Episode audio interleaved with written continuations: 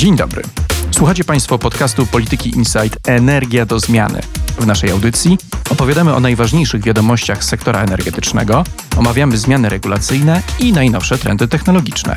Z naszymi gośćmi dyskutujemy o konwencjonalnych i odnawialnych źródłach energii oraz o polityce polskiej i europejskiej. Mierzymy się też z tematem zmian klimatycznych i tego, jak wpłyną one na nasze życie. Nazywam się Robert Tomaszewski i zapraszam na dzisiejszą audycję.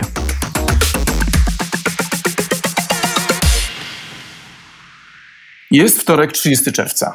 Tydzień temu ulewa zalała część instalacji w największej polskiej elektrowni w Bełchatowie, unieruchamiając aż cztery bloki energetyczne.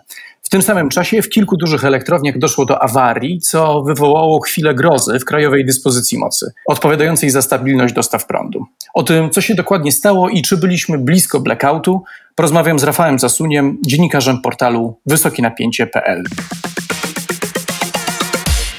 Rafale, Opowiedz nam, co się wydarzyło w poniedziałek 22 czerwca w polskim systemie elektroenergetycznym. Więc w polskim systemie elektroenergetycznym mieliśmy do czynienia z serią nieszczęśliwych zdarzeń, których prawdopodobieństwo wystąpienia razem było bardzo niskie, ale niestety, jak to w życiu bywa, wszystkie wystąpiły tego samego dnia, a raczej tej samej nocy. Już złośliwość rzeczy martwych nie zna granic. Ulewa zalała taśmociąg dowożący węgiel do bloku w elektrowni w Bełchatowie ten taśmociąg się jakby zatkał, nie można było podać paliwa do czterech starszych bloków, co w sumie wyłączyło prawie 1600 MW. Jednocześnie nie można było podać węgla do nowego bloku, nowej 800 i jednego ze starszych bloków, dlatego że nie można było mieszać węgla z pola w Bełchatowie z węglem z pola w Szczercowie, który ma dużo więcej siarki. No i w rezultacie te bloki musiały zaniżyć moc, więc kolejne kilkaset megawatów wypadło z systemu. Musiały zaniżyć moc, bo emitowałyby za dużo siarki. Wypadł duży blok 1000 MW w Kozienicach oraz 500 w Kozienicach z powodu awarii, która nie miała związku z węglem. Awaria miała charakter czysto techniczny. Nie do końca wiadomo, co tam się stało. No w każdym razie wszystko to się zbiegło w czasie, a jednocześnie wypadł, wypadła 900 w Opolu, która to awaria była spowodowana złą pracą instalacji osiarczania. Wypadło też kilka mniejszych bloków, między innymi we Włocławku. Do tego jak się doliczy planowane odstawienia na ten dzień, bo każdego dnia są jakieś planowane odstawienia, to w sumie operator nagle stanął w obliczu braku 7 gigawatów mocy zainstalowanej, z czego 4 gigawaty to były awarie nieplanowane.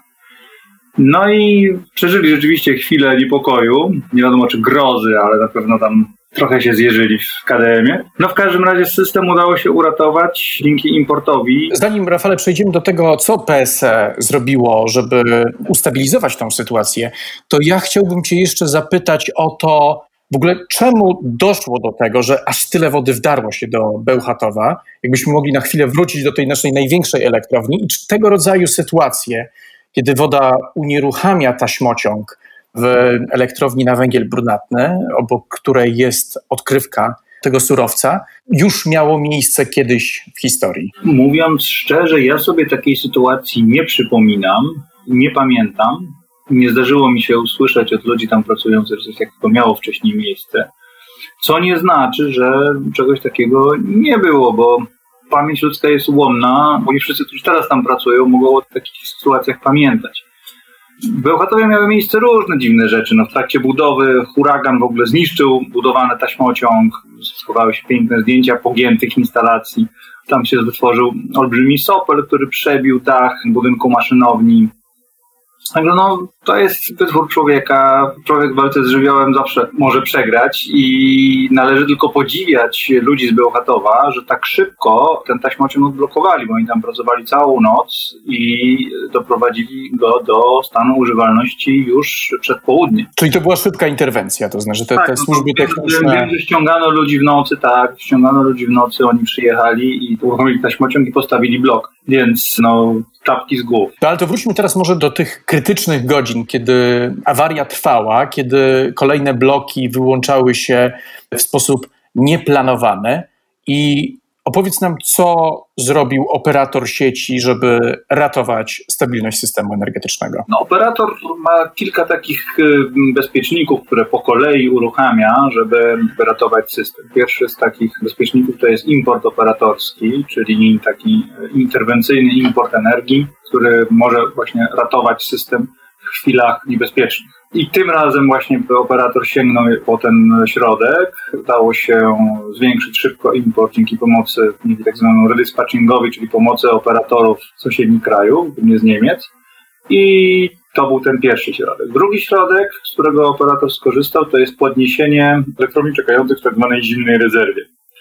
To są elektrownie Dolna Odra i elektrownie Tauronu, bodajże Siersza. W sumie tam jest 800 MW zimnej rezerwie. I już podniesiono bloki w Dolnej Odrze, podniesiono bloki te tauronowskie, więc to dało dodatkowe megawaty i to wystarczyło. Trzeci środek, który ma operator, czyli DSR, Demand Sign Response, czyli zarządzanie popytem, nie został uruchomiony, nie było takiej potrzeby, dzięki czemu firmy nie musiały ograniczać zużycia prądu za wynagrodzeniem oczywiście, bo to dostaje pieniądze ale obyło się tym razem bez tego. Jak na tą kryzysową sytuację zareagował rynek energii? No, ceny na rynku bilansującym wystrzeliły bardzo szybko do 1300 zł, czyli trzykrotnie poszły w górę. Ale to był krótkotrwały moment. No widać było już w południe, że operator opanował sytuację. Także ta panika, która się tam pojawiła na początku, kolejne bloki wypadały, to została szybko opanowana i widać, że ta lekcja z 2015 roku, kiedy trzeba było prowadzić stopnie zasilania, ona została jednak odrobiona i zwłaszcza to uruchomienie, odblokowanie mocy transgranicznych, których wtedy nie można było wykorzystać wskutek przepływów kołowych z Niemiec, nieplanowanych, które destabilizowały system, to ta lekcja została odrobiona i system jest dziś dużo bardziej stabilny niż 5 lat temu. No właśnie to skupmy się może na chwilę na tym sierpniu 2015 roku i porównaniu tamtej sytuacji, która groziła blackoutem, do tego, co się wydarzyło w zeszłym tygodniu, bo o ile historia sprzed pięciu lat była związana z falą upałów, która doprowadziła do destabilizacji polskiego systemu elektroenergetycznego i wskutek, tak jak powiedziałeś, braku możliwości szybkiej interwencji i ściągnięcia na przykład importem i ustabilizowania tej sytuacji w kraju, PSE musiało skorzystać z 20 stopnia zasilania, czyli ograniczenia w dostawach energii do wybranych największych przedsiębiorstw, to ta sytuacja z zeszłego tygodnia gdzie ulewa, no i seria awarii kolejnych bloków też wywołała wzrost ciśnienia w dyspozycji mocy.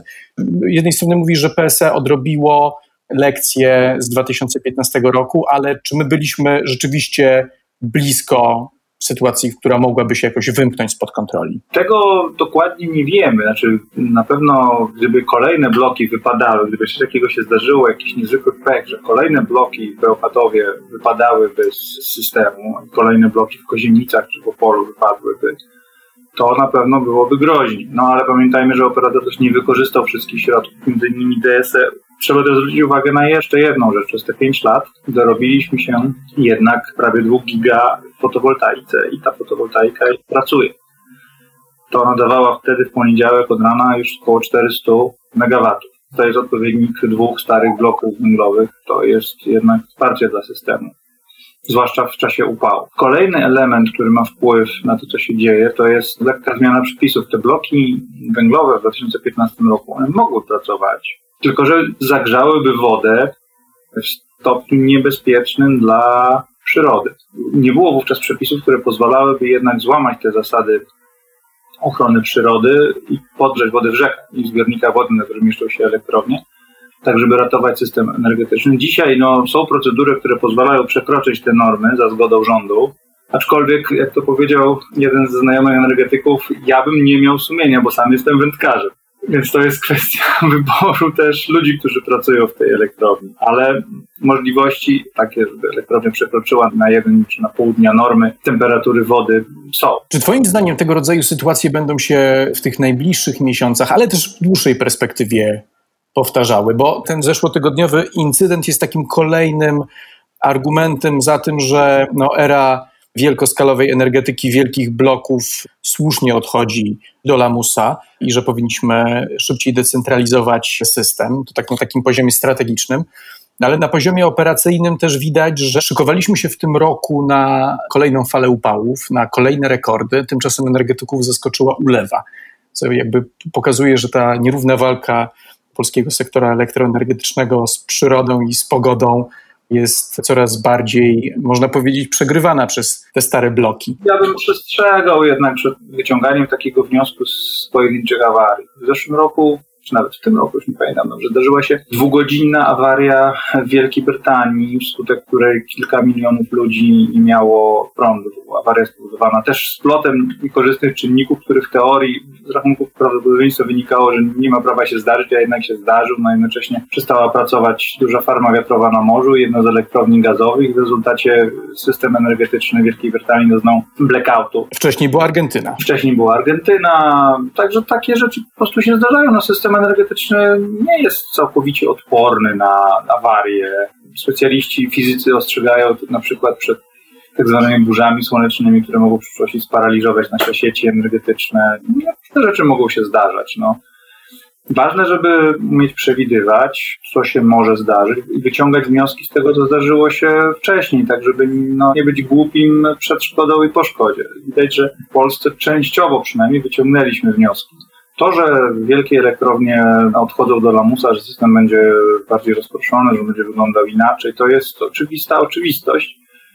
To już widać na przykładzie niemal wszystkich krajów rozwiniętych, w którym kierunku zmierzają ale to nie znaczy, że elektrownie systemowe nie będą jeszcze przez wiele, wiele lat potrzebne i nie będą pełniły istotnej roli w systemie. Jakie wnioski Twoim zdaniem zostaną wyciągnięte z tej zeszłotygodniowej sytuacji? Bo z jednej strony jesteśmy bardziej bezpieczni niż w 2015 roku, no ale z drugiej, czy coś jest jeszcze Twoim zdaniem do takiej pilnej poprawy? Bo o ile zmieniliśmy przepisy, żeby móc podnosić temperaturę w wodach, jeżeli jest taka potrzeba, po to, żeby bloki węglowe mogły dłużej pracować, mamy więcej fotowoltaiki, PSM ma nowe narzędzia do tego, żeby regulować popyt na energię. Udrożniono dzięki ograniczeniu przepływów kołowych z Niemiec połączenia na interkonektorach, które w razie awarii, takiej jak ta zeszłotygodniowa, mogą nas ratować w takich krytycznych chwilach.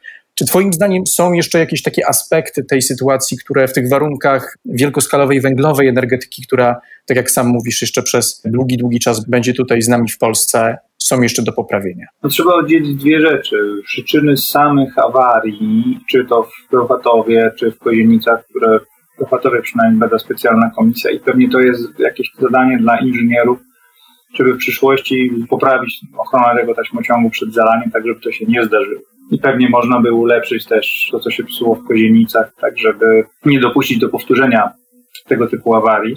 Są takie inżynierskie drobiażdżki, takie drobne ulepszenia, które ułatwiają życie i które na pewno należy wdrażać ciągle, nie tylko po awariach, ale ciągle powinno się sprawdzać, co można, co należy ulepszyć w pracy elektrowni. Zresztą praca chyba każdego działu technicznego w firmie, Japończycy mają takie specjalne słowo kaizen, żeby ciągle dążyć do ulepszenia tego, co jest. A druga sprawa to jest to, co można poprawić w całym systemie energetycznym. Na pewno przydałoby się jeszcze więcej połączeń transgranicznych i prawdopodobnie powstanie kabel podmorski łączący Polskę z Litwą.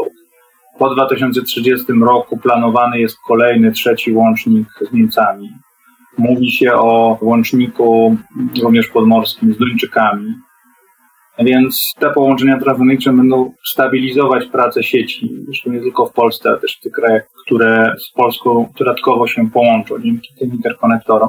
Co jeszcze? No, na pewno można pomyśleć o wykorzystaniu większej ilości fotowoltaiki. 2 gigawaty to nie jest ostatnie słowo. Na pewno przydałyby się magazyny energii, takie stabilizujące pracę sieci, które można by wykorzystać takie na dużą skalę kilka magazynów. Można myśleć o nowych elektrowniach szczytowo-pompowych, na przykład w zamykanych kopalniach, które również stabilizowałyby pracę sieci. No, energetycy potrafią wsypać jak z rękawa takimi elementami dodatkowo poprawiającymi bezpieczeństwo systemu energetycznego. No, trzeba je tylko zainstalować, wdrożyć, pozyskać finansowanie. To nie jest jakaś bardzo zaawansowana technologia, są to rzeczy znane. No i jeżeli płacimy dzisiaj w rynku mocy za pracę elektrowni węglowych, no to warto się zastanowić, czy nie powinniśmy też płacić za te dodatkowe elementy, które zwiększają bezpieczeństwo systemu energetycznego, a których koszt jest dużo mniejszy notabene. I tym optymistycznym akcentem określącym perspektywę tego, że wystarczy wdrożyć dobre rozwiązania, sfinansować je i nasze bezpieczeństwo może się podnieść. Kończymy naszą dzisiejszą audycję. Rafale, bardzo dziękuję Ci za tę rozmowę. Dziękuję również. To wszystko w dzisiejszym odcinku Energii do Zmiany. Na kolejny zapraszam w przyszłym tygodniu. Posłuchajcie również innych audycji Polityki Insight. W środy Dużego Pałacu o wyborach prezydenckich, w czwartki podcastu technologicznego Przyszłość jest dziś, a w piątki audycji o najważniejszych wydarzeniach politycznych i gospodarczych w Polsce, Europie i na świecie. Znajdziecie nas na serwisach Spotify, Apple Podcast, Google Podcasts, na SoundCloudzie i innych aplikacjach, w których słuchacie podcastów. Do usłyszenia.